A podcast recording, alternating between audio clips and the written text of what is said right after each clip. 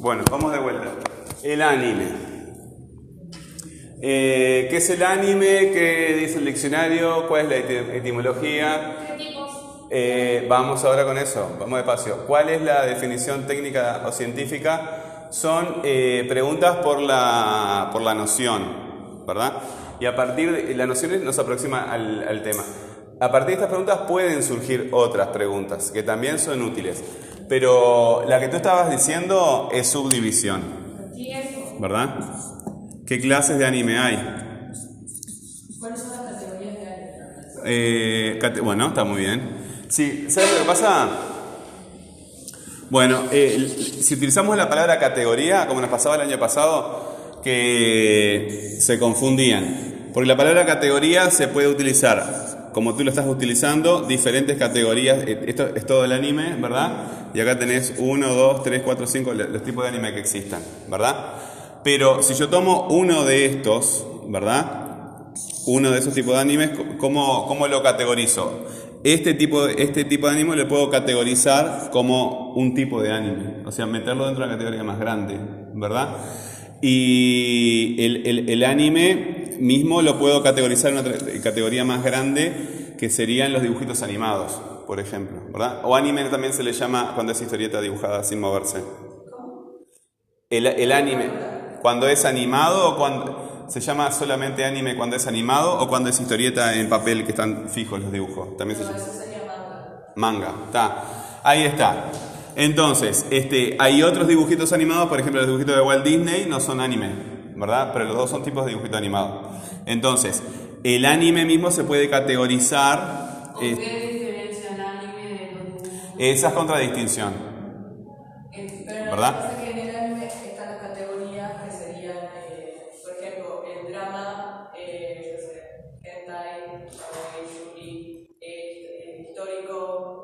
Es verdad que a ti te gustaba todo lo japonés, me dijiste el año pasado, en la primera clase. Es verdad. Eh, claro, lo la palabra categoría es este, una palabra que en general bueno, se utiliza también en el deporte, ¿verdad? Pero la categoría se utiliza eh, fundamentalmente en, en cuestiones de, de- de clasificación en, eh, por ejemplo, en gramática o en filosofía, ¿verdad? La categoría del verbo es una categoría, una clase de palabra. Pero cuando estamos hablando de, productos artísticos, en general se habla de, géneros, ¿verdad? Y- Entonces, el anime es un género y cada uno de esos que tú me estás diciendo son subgéneros. Son muchas palabras para referirse más o menos a lo mismo. Entonces, eh, eh, podemos formular la pregunta para que quede más claro. Este, ¿En qué subgéneros se divide o se subdivide el anime. ¿Por qué quiero? Porque yo quiero conservar este, la, en el verbo el nombre de la función que estamos utilizando. ¿Se entiende lo que digo? Bueno, eh, ¿qué ejemplos hay de anime?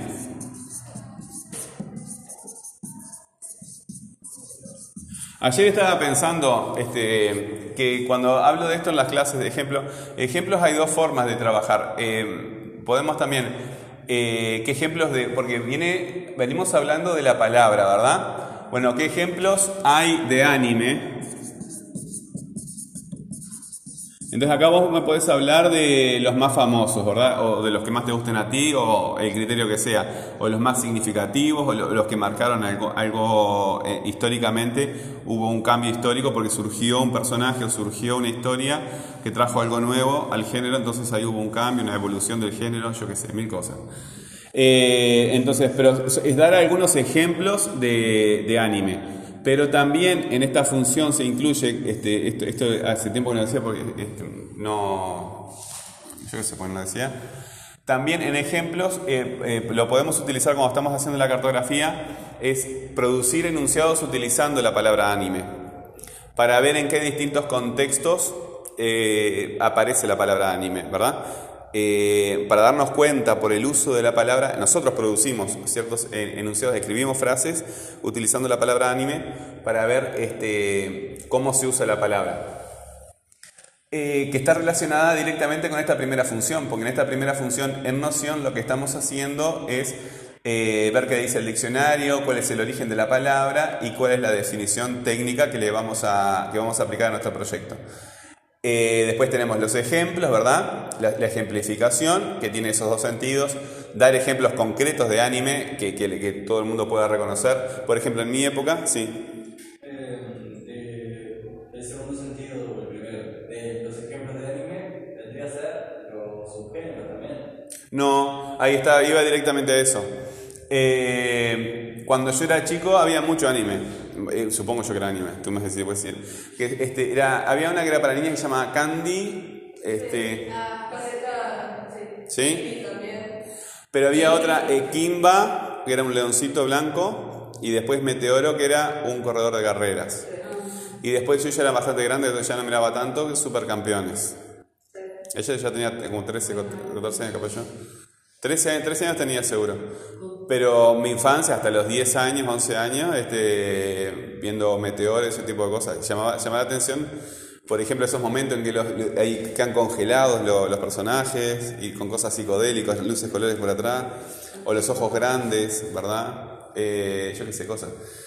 Eh, entonces, hablar de Kimba o hablar de Meteoro, ¿verdad? Que son los que yo conozco, son ejemplos porque son eh, ejemplos concretos, Esto es un anime.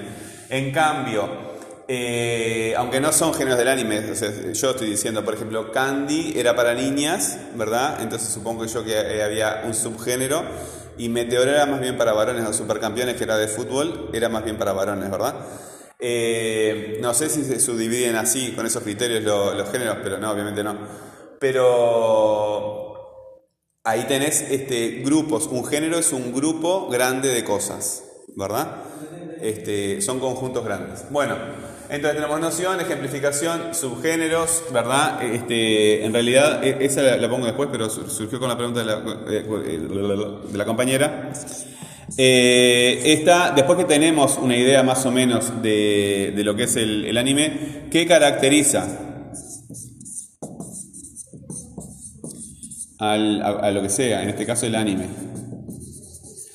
Cuando estamos hablando de caracterización hablamos de los rasgos esenciales, ¿verdad? Aunque ya hemos venido hablando bastante del anime eh, al investigar estas preguntas, acá como que vamos directamente a, cuáles son los rasgos. Uno intuitivamente lo puede ver, ¿verdad? Porque, como decía recién, ese congelamiento de las imágenes, eh, media hora metiendo un gol, por ejemplo, en, en Supercampeones, este cosas, este, colores raros que aparecen, se te muestran el, rostro del personaje sufriendo y, colores raros atrás y piensa y piensa y piensa el tipo y, ya está. Eh, alguien que investigue puede decir cuáles son las características más importantes del anime. Bueno.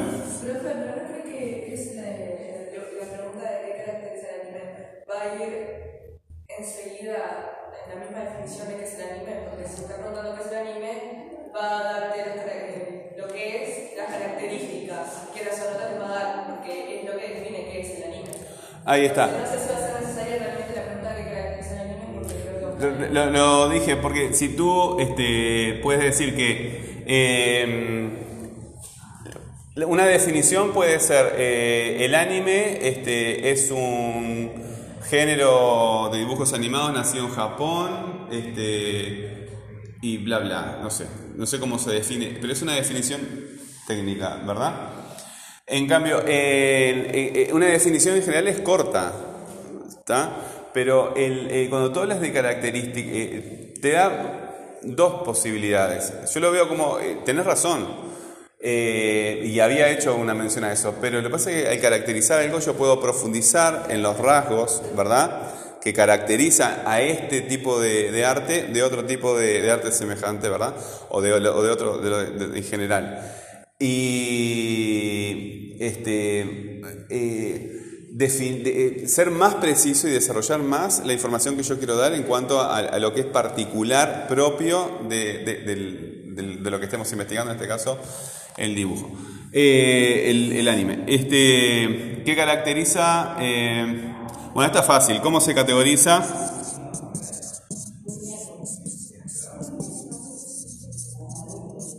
Creo que hemos visto, ¿verdad?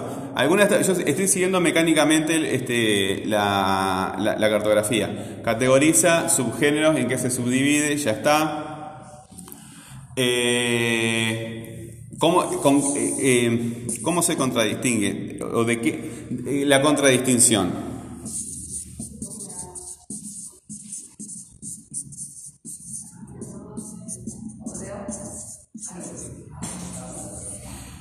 Por ejemplo, yo hoy te pregunté, eh, el anime, ¿verdad? Siempre es bueno tomar referencia, no solamente la gente que sabe un tema, sino también de, de- de qué confusión puede llegar, llevarle la gente que no sabe del tema. Entonces, eh, tú me dijiste, no es el manga. Entonces, a mí, pero eh, puedes, a otra persona le puede generar otro tipo de confusión. La contradistinción es diferenciar el objeto que nosotros estamos estudiando, el concepto que nosotros estamos estudiando, de, otros este, conceptos con los cuales se puede confundir. En las clases, este, si ustedes se fijan, eh, yo utilizo eh, la ingeniería, la tecnología y la ciencia. ¿Está? Porque la tecnología, este, la ciencia produce conocimiento, ¿verdad?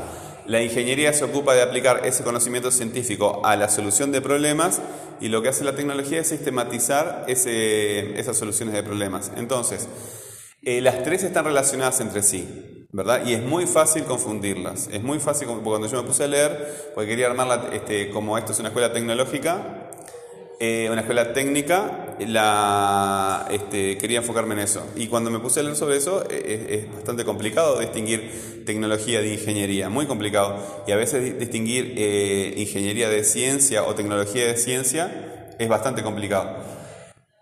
Esta función la vamos entonces a aplicar eh, para distinguir de otras cosas con las cuales se pueda confundir. A mí se me ocurre ahora, como te planteaba, el tema del manga, ¿verdad? Pero de repente hay otras cosas. Otro tipo de, dibujos de tipo japonés, que no sean eh, anime propiamente dicho, este, y que se puedan confundir con él. Bueno, ver cuál es la diferencia entre este,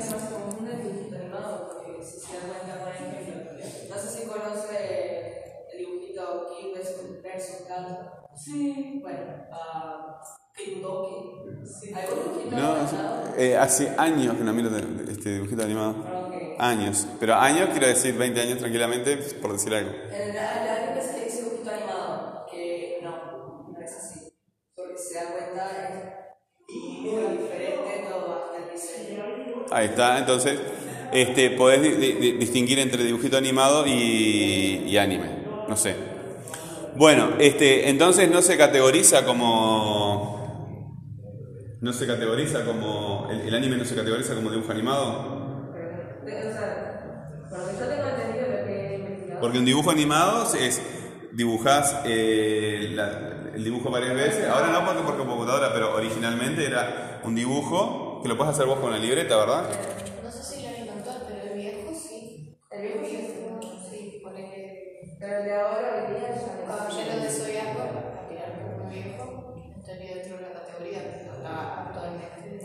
Estamos hablando de géneros, ¿verdad? O sea, un género es un conjunto y si decimos dibujito animado, el, hay que definir qué es el dibujito animado, ¿verdad? Bueno, entonces, si tenemos esta definición de dibujito animado, ¿el anime entra dentro de esto?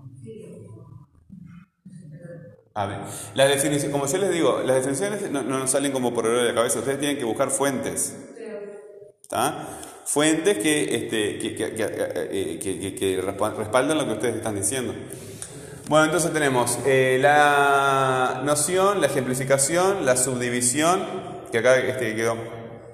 Caracterización, categorización, eh, contradistinción, vinculación. ¿Con qué se vincula?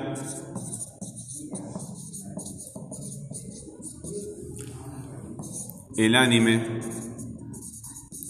Acá eh, en todas en realidad, pero eh, sobre todo en, algunas de estas, este, en categorizar, en vincular, hay que utilizar la función del criterio, ¿verdad? Si yo, eh, en realidad es una metafunción porque está más allá de las funciones. Si yo quiero a esta bo- botella la puedo clasificar según el material, ¿verdad? Botellas de vidrio, botellas de plástico, ese es un criterio. Según el tamaño, ¿verdad? Botellas de medio litro, de 600 mililitros, de mil, ¿verdad? De mil y pico. Entonces, son distintos criterios. Y cuando yo voy a vincular, podés vincular, este, bueno, con la industria de- del entretenimiento, eh, con el arte, eh, yo qué sé, con mil cosas lo puedes vincular, ¿verdad? No podés vincularlo con todo, entonces tenés que seleccionar lo que tenga que ver con el interés que tú querés comunicar. Bueno, con la cultura japonesa, ¿verdad? Como un producto este, eh, original de, de Japón. Eh, entonces, noción, ejemplificación. Ah, ya está. Problematización.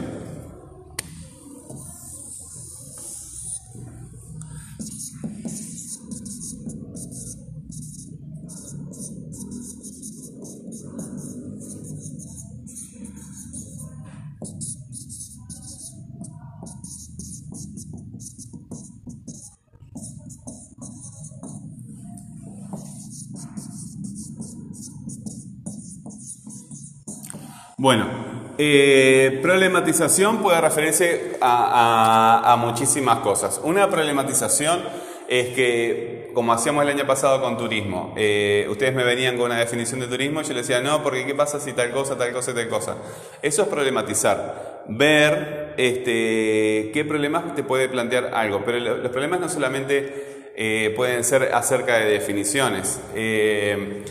Vamos a suponer, eh, si alguien, ahora que este, eh, eh, las culturas se, influencian unas a otras, si alguien en Uruguay se, pusiera a, que supongo que fuera de Japón, hay gente que ha tomado este estilo de producir este, dibujitos animados y no son japoneses, ¿verdad? Entonces, ¿se considera anime sí o no? Si se considera según quién, ¿verdad? Entonces, e- ese puede ser un problema interesante, ¿verdad? Si un uruguayo se pusiera... Mi hija estudia esto, estudiaba, pues ya terminó de estudiar. Eh, si alguien este, se pusiera a hacer anime acá en Uruguay, ¿sería anime? ¿O sería considerado otro género? ¿O un subgénero? Eh, ¿O qué? ¿verdad? Y bueno, y finalmente la conclusión. Si ustedes van a, a- a los TikTok o al blogger, este, esto es eh, problematización y, con- y conclusión. La conclusión es, frente a ese problema, ¿qué posición tomo yo? Y las posiciones tienen, que- tienen que estar fundamentadas. Te recuerdo, y a todos les recuerdo, que esto de la, de la categorización son simplemente preguntas que las, las hacemos de forma sistemática, pero después nosotros cuando vamos a organizar esta información en un texto, las, la organizamos como se nos dé la gana a nosotros, ¿verdad? A mí, en un texto expositivo que va a plantear un problema, me parece que es bastante lógico empezar explicando, eh, como la, compañera, ¿verdad? Que este, el origen de la palabra, hablar un poco de la historia de, la, cuestión que estemos trabajando, dar ejemplos, ¿verdad? Si estamos hablando de la historia, evidentemente podemos dar ejemplos, ¿verdad? Y después el, el resto de la información la vamos organizando. Hay cosas que más o menos, este, eh, la conclusión evidentemente tiene que ir al final, ¿verdad? Pare- parece bastante lógico, aunque no necesariamente. La conclusión puede estar al principio y después desarrollar toda la, la- Eso depende de cada uno. Pero a mí me parece bastante lógico que empezar por la noción, desarrollar la información, plantear el problema, ¿verdad? Eh, diseñar bien, eh, plantear bien el análisis de ese problema, plantear todas las posibilidades, la información sobre ese problema, desarrollarlo muy bien ese problema, que, es toda una parte que no lo estamos haciendo ahora, y, este, y después tomar una posición. No lo estamos haciendo ahora porque yo no tengo información. No sé qué problema plantear sobre esto, ni cómo ir desarrollando esa problematización, ¿verdad? Eh, esta es una buena oportunidad también para desarrollar diálogo interno dentro del texto.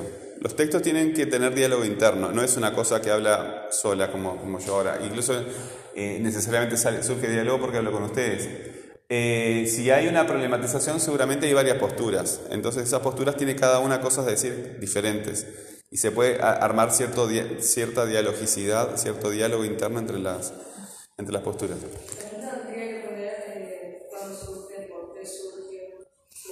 Ahí está. Esas son preguntas tuyas, ¿no?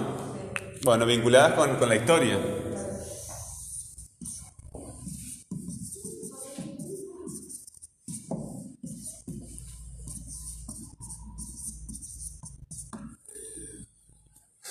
Y puede haber. Esto, estas preguntas son disparadoras, nada más. No, no son las preguntas definitivas para nada.